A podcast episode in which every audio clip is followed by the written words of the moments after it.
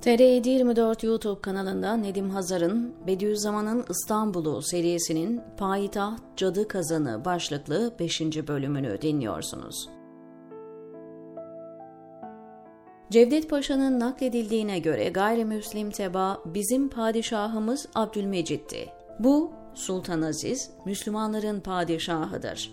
Biz kabul etmeyiz diyerek Sultan Abdülaziz'in idaresine isyan hazırlığına girişmişlerdi. Bilahare serpilen ve gelişen Jön Türk hareketi bu kez Şehzade Murat üzerine yatırım yapmış ve amacına ulaşmıştı. Bu dönemde Sultan II. Abdülhamit meşruti bir idare için Sultan Abdülaziz'i tahttan indiren derin yapıyla çalışmak zorunda kalmıştı. Sultan Abdülhamid'in bu ihtilalci kadroya meşrutiyet sözü vererek tahta çıktığı biliniyor. Ancak sonraki uygulamalara bakıldığında Abdülhamid'in bu sözünün tamamen siyasi olduğu çok nettir. Manzara şuydu. Sarayı elinde tutan kesim özellikle dindar kitleyi, tarikat ve cemaatler kullanarak her özgürlük talebini isyan ve ayaklanma olarak gösteriyordu. Jön Türkler ve dahi İttihat ve Terakki ise özgürlük, adalet ve eşitlik sloganıyla son derece güçlenmişti. Abdülhamit ise bu iki kitleyi de artık idare edemeyeceğini anlamaya başlamıştı. Saray uluları ikinci meşrutiyetin ilanından sonra artık gücün tamamen ellerinden çıktığını kavradılar. Ne kadarından Sultan Abdülhamid'in haberi vardır bilinmez, durumu kendi lehlerine çevirebilmek adına bir şeyler yapmak gerektiğine inandılar. İktidara Maslak Köşkü'nde yapılan ve oradaki komşusu Mr. Thompson'ın aracılığıyla İngiliz Büyükelçisi Layard'la görüşen Veliaht Abdülhamid, daha sonra Musluoğlu Köşkü'nde Mithat Paşa'yı çağırtarak iktidara gelebilmek adına her kesimin isteklerine olumlu cevap vererek geçmişti tahta. Veliaht ateşin bir zekaya sahipti ve herkese meşruti idarenin yaşanılan zamanın bir icabı olduğu, bunda artık bir zaruret hasıl olduğu, devlet yükünün ancak bu suretle paylaşılması gerektiği şeklinde sözler veriyordu. Tahta geçtiği andan itibaren kurduğu sistem özellikle aydın kesimi hiç memnun etmiyordu. Buna bir de yurt dışına tahsil için giden gençlerin Batı'nın özgürlük ruhundan etkilenmesi eklenince sultanın hiç hesaplamadığı bir muhalif kartopu büyüyerek gelmiş, Abdülhamit bu sıkıntıyı daha fazla baskı ve sindirme ile çözebileceğini sanmıştı. İşte tam da bu esnada özellikle İstanbul ve İzmir gibi illerde sosyal anlamda muazzam bir asrileşme hareketi başlamıştı. Bu akım sarayı da etkilemiş, Abdülhamit sarayda sinema kurdurmuş, opera ve müzikallere izin vermişti. Tam bu esnada çok enteresan bir gelişme oldu. Sultan Abdülaziz'in hayatının projesi olan ancak doğru dürüst ikamet etmesi bile nasip olmayan Dolmabahçe Sarayı'nda büyük bir yangın çıktı. Sultan Hamid bu yangın sonrasında yakın çevresinin de yoğun baskısıyla güvenlik açısından Yıldız Sarayı'na taşındı. Bu taşınma sultanla halk arasındaki son iletişim liflerinin de kopması anlamına geliyordu. Artık 2. Abdülhamit cuma namazlarına bile halkın arasına gitmiyordu. Enteresandır tam bu esnada Japon İmparatoru Mutsuhito İslam dinini merak ettiği için ona bu konuda bilgi verebilecek din adamı yollayıp yollamayacağı şeklinde sorusu İstanbul medyasında yer almıştı. Yaşanan olaylar işin içinde iş olduğu şüphesini de uyandırmıyor değildi. Zira tam bu esnada Musihito'nun yaveri İstanbul'da görülmüştü. Abdülhamit zaten yeterince paranoyaya sahip bir liderdi. Bir de böylesine hassas bir dönemde Japon yaverin Rus elçiyle beraber ortalıkta görünmesinden rahatsız olmuştu. Bu esnada yine İslami medyada bir haber yer aldı. Dönemin alimlerinden Abdülreşat İbrahim, Uzak Doğu'da İslam'ı tanıtmak ve anlatmak için ödenek istemiş ve bunun için saraya müracaat etmişti. Bu talep de yine saray tarafından savuşturulmuş. Bunun üzerine Bediüzzaman köşesinde Abdülhamid'e doğrudan şöyle yazmıştı. Bu talepte yine saray tarafından savuşturulmuş. Bunun üzerine Bediüzzaman köşesinde Abdülhamid'e doğrudan şöyle yazmıştı. Makamı hilafet münhasıran cuma namazı resmi alisi değildir. Halifelerin kudreti maneviyesi olduğu gibi kudreti maddiyesi de olacak.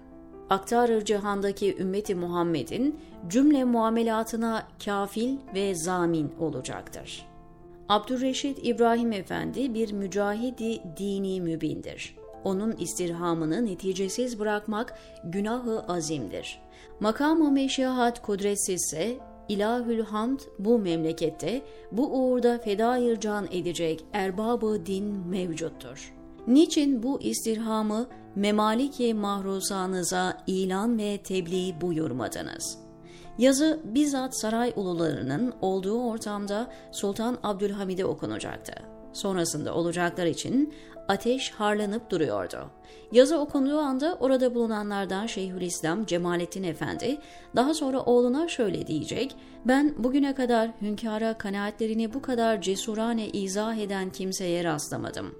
Ve oğlu Ahmet Muhtar bunu hatıratında kaleme alacaktı. Dönelim Yıldız Sarayı'na taşınan Abdülhamid'in akıbetine. Bu içe kapanmayla nelere sebep olduğunu ve saltanat için neye mal olacağı hakkındaysa bir fikri yoktu padişahın. Çırağan Sarayı ve Feriye Sultan Abdülaziz'in sonu olmuş ve yine gizemli bir yangın sonrası kapatılmıştı. Yazar ve büyük alim İbnül Emin Mahmud Kemal, Sultan II. Abdülhamid'in vaziyetini şöyle tanımlamıştı. Padişahın tahta çıktığı 1876 yıllarında serbestçe halkla temas ediyor ve hürriyetçi yazarlarla fikir alışverişinde bulunuyordu. Daha sonra fesatçı telkinat ve haberlerle adeta sarayda kendisini hapsetti ve sadece yakınlarıyla görüşmeye başladı. Cuma günleri sarayın önündeki camiye, senede bir defa Hırkayı Saadet ziyaretine ve iki defa da bayram alayına çıkabildiği halde meun ve alçak insanlar onlara dahi mani olmaya çalışıyorlardı. İşte ikinci meşrutiyetten hemen yani yangının üzerinden tam 32 yıl geçtikten sonra Meclis ilk toplantısını 14 Kasım 1909'da Çırağan'da yaptı. Gerçi çok değil, iki ay sonra 19 Ocak 1910'da tekrar yandı ve tamamen küle dönen saray yaklaşık 80 yıl kapalı kaldı ve halka şu efsane yıllarca yutturuldu. Çırağan'ın yanıp durmasının sebebi Bodrum'da gömülü olan mübarek zattır. İstanbul, İslam öncesi dönemden beri hep böyle şehir efsanelerinin merkezi olmuştur. İkinci meşrutiyetin ilanından sonra derhal seçimlere gidilmiş, başlıca iki parti İttihat ve Terakki fırkasıyla liberal görüşlü Ahrar Fırkası yarıştı. Elbette ki seçimi iddiaçılar kazandı. Seçimlerin ardından oluşan yeni meclisi mebusan 17 Aralık 1908'de çalışmalarına başlamıştı bile. Nisan 1909'da şiddet olaylarını tetikleyen muhalif gazeteci Hasan Fehmi Bey'e suikast olayı yaşandı. 8 Ağustos'ta alınan bir kararla padişahlık sembolik bir seviyeye indirildi. Ölen de Öldürülen de muhalifti ama bu olayları en çok muhalifler protesto ettiler yine. Bu cinayetten bir hafta sonra bu kez medrese öğrencileri ayaklandı. İstanbul adeta cehennemi yaşadı. Sokaklarda subaylar vuruluyor, milletvekilleri linç ediliyor ve gazeteler basılıp yağmalanıyordu. Padişahın oluşturduğu baskı gücü zayıfladığı an kendisine dönmüştü. Bu olaylar eski takvimle yeni takvim arasındaki 13 günlük farktan dolayı 31 Mart vakası olarak anılacaktı. İşte bu kirli ve çalkantılı dönemde muazzam bir aklı selim ve serin kanlı bakışı olan bir münevver vardı. Said Nursi. Toplumun her kesimini sukunete davet ediyor, kan ve şiddete karşı çıkıyordu sarayda boş durmuyor, kendince bu işten sorumlu olarak gördüklerini ya infaz ediyor ya da hapse atıyordu. Bediüzzaman da bu kıyımdan nasibini alacaktı. Mayıs başında ortalık artık tamamen toz dumandı. Selanik'ten yola çıkan hareket ordusu İstanbul'a gelmiş ve sözüm ona olayları bastırmıştı. Bediüzzaman bu kargaşada artık bir şey yazıp söylemenin anlamsız olduğuna inanarak İstanbul'u terk edecekti. Ancak gidebilmek hiç de kolay olmayacaktı. Bambaşka hayallerle geldiği payitahtta bir devrin kapanışına şahit olmuştu. Yola çıktı ve İzmit'e vardı. Orada tutuklandı ve İstanbul'a yollandı. Ve saraydan İzmit Emniyetine acil kodlu bir mesaj geldi. İzmit Polis Komiserliğine Bediüzzaman Kürt Said Efendi'den oraca alınmış olan bir kamayla Rovelver'in Siriyan Daire-i Zaptiye'ye gönderilmesi. 11 Mayıs 1325, 24 Mayıs 1909. Sıkı yönetim ilan edilmişti ve genç Said Nursi meşhur Divanı Harbi Örfi'de yargılanacaktı. Suçlama çok tanıdıktı. Yazı ve fikirleriyle halkı isyana çağırmak, huzur bozmak ve iktidara devirmek. Bak bak, şu ifadelere bak. İki Mektebi Musbed'in şehadetnamesi yahut Divanı Harbi Örfi ve Saidi Kürdi ünvanlarıyla Bediüzzaman Nam Muharrir tarafından neşr olunmakta bulunan Risale'nin münderecatı, Hezeyan-ı Zekiye Efkar-ı Umumiye üzerinde sui tesir icrasının hali kalmayacağı cihetle, bidayet reyi mezuniyetle alenen devamı neşr ve füruzat mahsurdan salim görülmeyerek, Bediüzzaman ne saraya kendini kabul ettirebilmişti, ne de İttihat ve Terakki çetesine. Sebebi ise şu cümleler gibi olan yüzlerce cümleden oluşan yazılarıydı. Hürriyet-i şeriye gerekir. Bazı muhaliflerin söylediği gibi tam bir istibdat yoktur. Abdülhamit idaresi mecburi, cüz'i ve hafif istibdattır. Ancak ittihatçıların zulmü ise pek şiddetli, külli istibdattır. İki zalimin arasında ezilen oydu ve yeni rejim Said Nursi'yi yargılamaya başladı.